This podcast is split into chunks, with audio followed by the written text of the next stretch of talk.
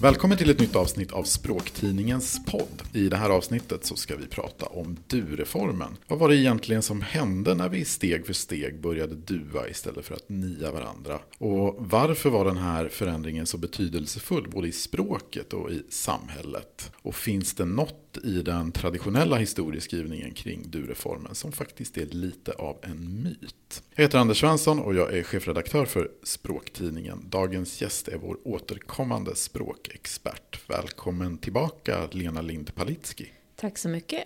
Lena, du är lektor i svenska vid Stockholms universitet, skriver språkkrönikor i Svenska Dagbladet och så medverkar du också regelbundet i Språktidningen. I det nummer av Språktidningen som kommer ut i dagarna så rankar vi de 100 största språkhändelserna sedan 1900. Och ja, lite spoilervarning här, du som hör det här direkt när podden släpps och ännu inte har fått tidningen och vill läsa den här artikeln först, att du kanske ska sluta lyssna här och trycka på play först när du har läst artikeln. För här kommer vi som sagt prata om resultatet av den här omröstningen. Så med den lilla brasklappen gruppen så är det då, ja men vi har drygt 110 språkexperter, framförallt forskare i svenska men även en del språkvårdare och lite andra som har röstat fram den här listan då, som finns i språktidningen nummer 8 2020 som också är språktidningens hundrade nummer. Och de fick eh, sätta betyg på lite drygt 120 språkhändelser på en femgradig skala. Och överst med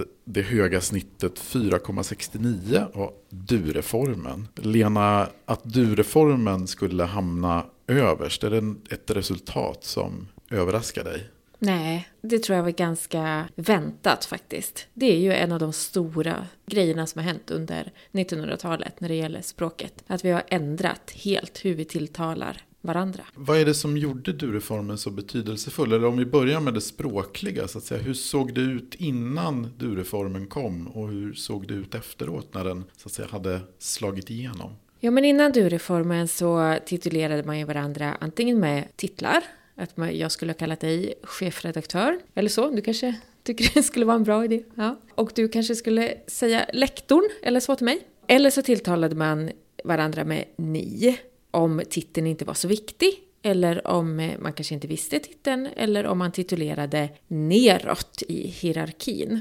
Och det här var ju ett väldigt eh, krångligt sätt därför att det var ju svårt att hålla reda på vem som var vem och hur man skulle titulera och så. Många vittnar om att det var en väldig befrielse när man fick gå över till att säga du till varandra. Det blev ju så otroligt mycket lättare. Du-reformen hade ju så att säga då väldigt praktiska, konkreta konsekvenser för hur vi talade med varandra. Fanns det några andra aspekter som gjorde du-reformen betydelsefull? Alltså du-reformen är ju, handlar ju inte bara om det här lilla ordet du, utan det handlar ju om, det är som en symbol för hela jämlikhetssträvan i samhället och att vi blir mer jämlika, behandlar varandra på samma sätt och inte ha de här sociala hierarkierna längre i samhället.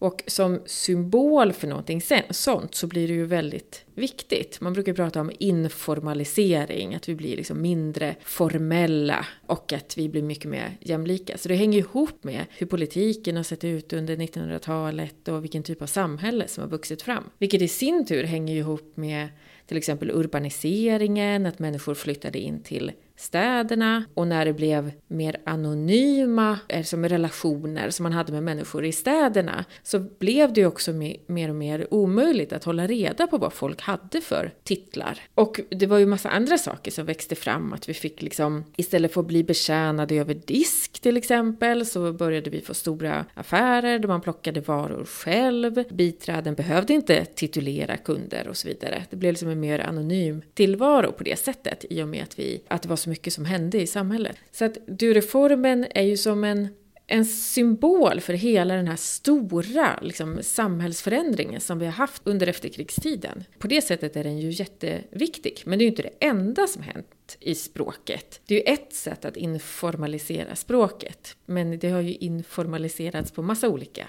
sätt såklart. Så man kan säga att du-reformen, eller att du-tilltalet kanske snarare var egentligen ett tilltal som passade ganska väl in i ett stadsliv där man var lite mer anonym för varandra. Mm, absolut. Och också, det finns ju andra saker som påverkar. Till exempel att man gick, alltså klädseln brukar man prata om ibland. Tidigare så syntes det väldigt tydligt på eh, människor vad de tillhörde för klass i samhället och vilka de var och så. För att man såg det på hur de klädde sig. Sen när vi började få konfektionskläder och folk började ha, eh, handla mer i butik på ett annat sätt. Då blev ju också så att människor klädde sig mycket mer likadant. Och att det var svårare att se vilken klass de tillhörde och så. Så det finns ju väldigt många samhällsförändringar som hänger ihop med det här. Liksom hela industrialiseringen och, och allting sånt.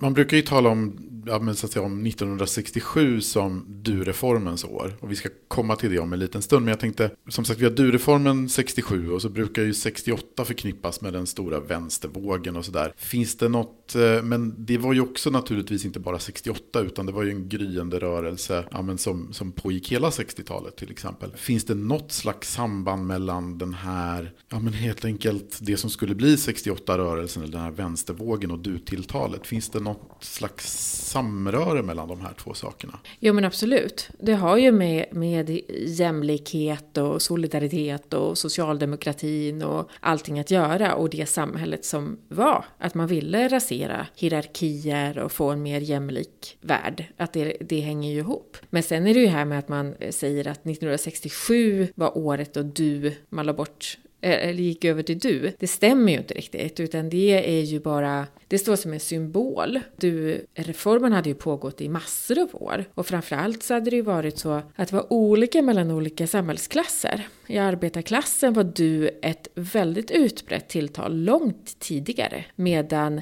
det här titulerandet, det pågick i högre samhällsklasser mycket, mycket längre.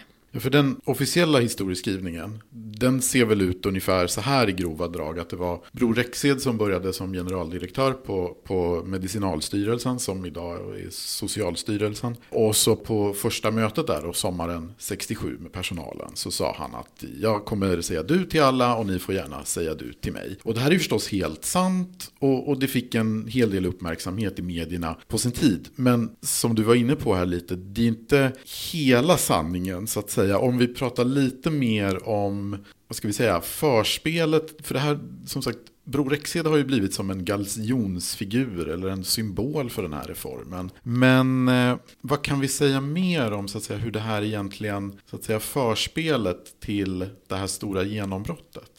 Jo, men det stämmer ju att, att Bror Rexed sa så, att det har fått blivit eh, lite av en symbol för du-reformen. Men om man tittar i arkiven från den här tiden så ser man ju att det togs upp i tidningarna med att han sa att nu, jag är du och jag kommer att säga du till alla här. Men huvudrapporteringen var ju att rapportera att nu har Medicinalstyrelsen fått en ny generaldirektör. Det var ju det som var huvudnyheten och så var det lite bisak det här med du. Men det fick ganska stor uppmärksamhet. Och sen kan man se om man tittar dagarna efter i rapporteringen att då gör journalisterna lite så här rundringning till olika myndigheter och så kollar de hur är det på er myndighet? Har ni gått över till du eller inte? Och då visar det sig att det är ju redan ganska många myndigheter som har gjort det. På SCB tror jag det var, att det var många olika avdelningar där som redan hade gått över till du. Så inte ens det här med att att Medicinalstyrelsen skulle vara först stämmer, utan det här var ju bara en av många händelser. Och så här kan vi ju bara förklara språkutveckling i efterhand. Därför att de som var med på den här tiden, de vet ju att det var så. Att det så, ja men på min arbetsplats så säger vi du till varandra, eller vi har gjort det väldigt länge, eller så kunde man ju säga då. Men eh, i historieskrivningen så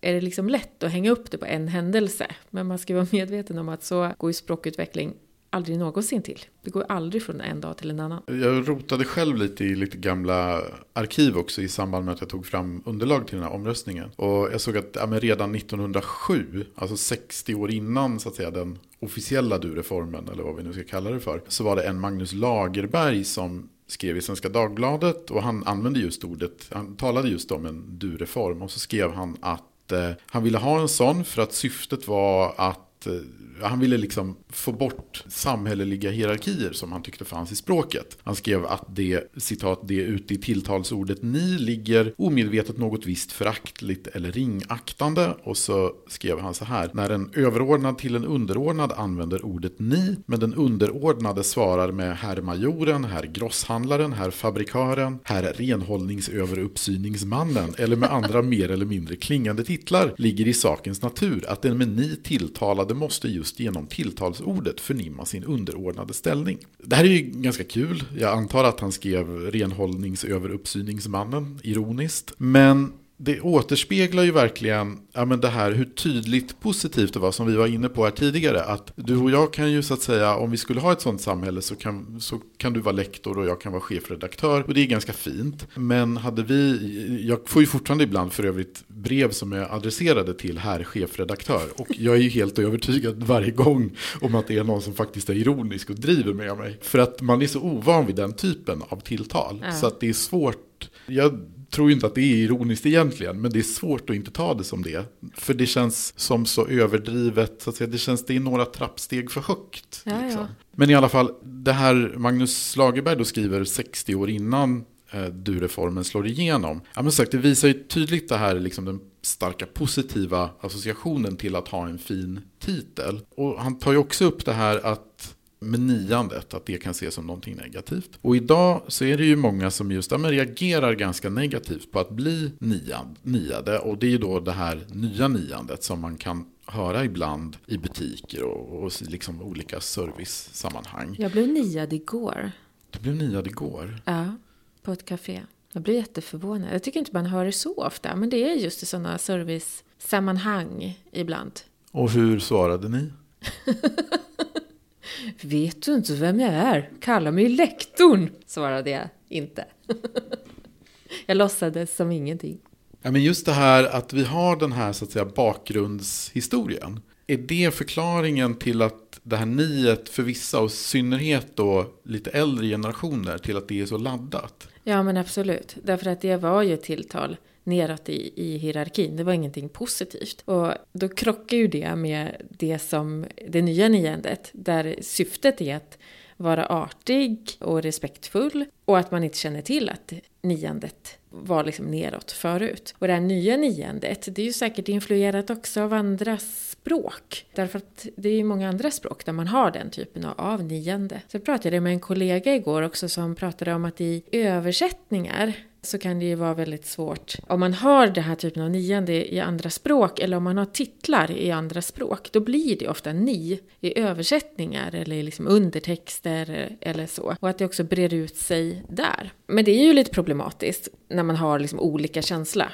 kring ett ord eller olika uppfattningar och olika konnotationer. Så. Det där har ju många säkert stött på. Jag tänker själva, men två av de språk som jag har pluggat i tyska och spanska. Och i bägge dem så har man ju så att säga ett artigt och lite distanserat ni. Men det är, så att säga, det är inte alls nedlåtande som i tyskarna tilltalar någon med si. Utan det just signalerar egentligen bara att vi är inte nära vänner. Men det finns så att säga inget övrigt. Så att säga. Vi, man har inte de negativa associationerna som vi har i svenskan. Eller som vissa har till niandet i svenskan. Nej men det är ju ett artighetsni på ett annat sätt. Där det inte är liksom hierarkier på, på samma sätt som det har varit i svenskan. En sak som jag tänkte på också. Det är att ibland så får jag höra att eh, det här nya niandet skulle vara väldigt utbrett. Men så tänkte jag på det du berättade här att du blev niad igår. Och det är ändå en händelse som är så pass anmärkningsvärd så att du faktiskt lägger märke till den.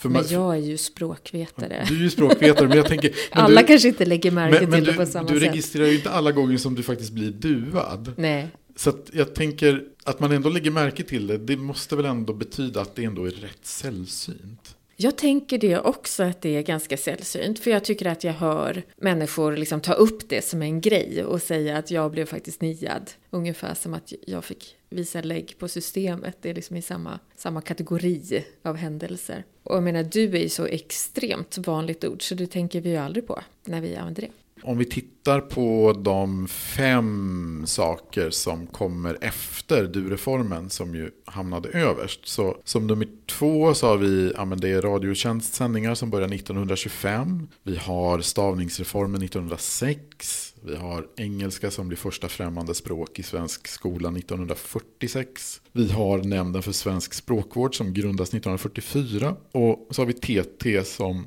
slopar verbens pluralformer 1945. Där till exempel vi gå blev vi går och sådär.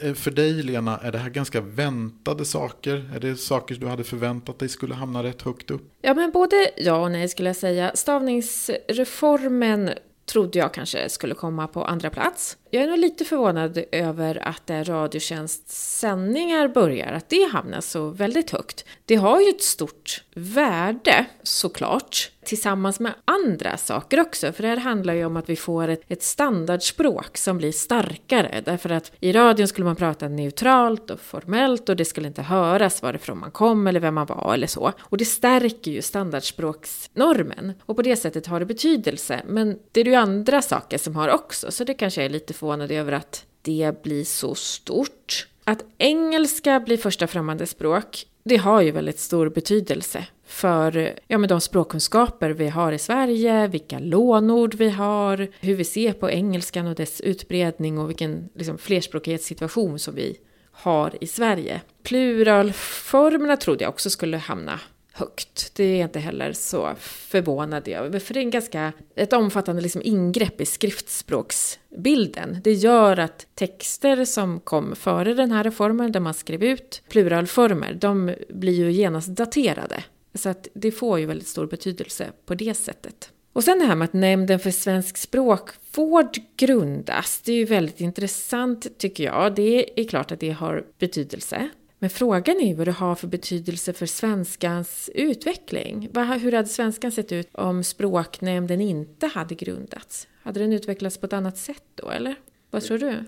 Jag kan ju tänka mig, där den grundades så var ju det ett sätt att, så att säga, försöka samla den professionella språkvården som fanns på lite olika håll och att, så att säga, skapa enhetliga rekommendationer. Och så kom första upplagan av Svenska skrivregler, kom väl 47 om jag minns rätt. Mm. Och det är klart att den har haft betydelse för att, så att säga, ta fram en norm. Men det är ju intressant det här med normering av språket. Därför att det språknämnden gör och har gjort det är ju liksom att man, man normerar språket och, och, man skriver ner det och man ger rekommendationer. Men det är ju inte så att om den normeringen eller de här rekommendationerna inte skulle finnas så är det ju inte så att språket skulle bli totalt galet och utan regler. Utan språket normerar ju sig självt. Så att på ett sätt så kan man, jag tror att liksom språknämnden och numera språkrådet är jätteviktiga på väldigt många olika sätt. Men att man kan fundera på vad som skulle ha hänt om de, om de inte hade normerat. Hade det sett väldigt annorlunda ut? Jag vet inte det. För att det som också har betydelse är ju annan typ av normering. Alltså vad säger man på, hur skriver man i tidningarna? Vad säger språkvårdarna i medier?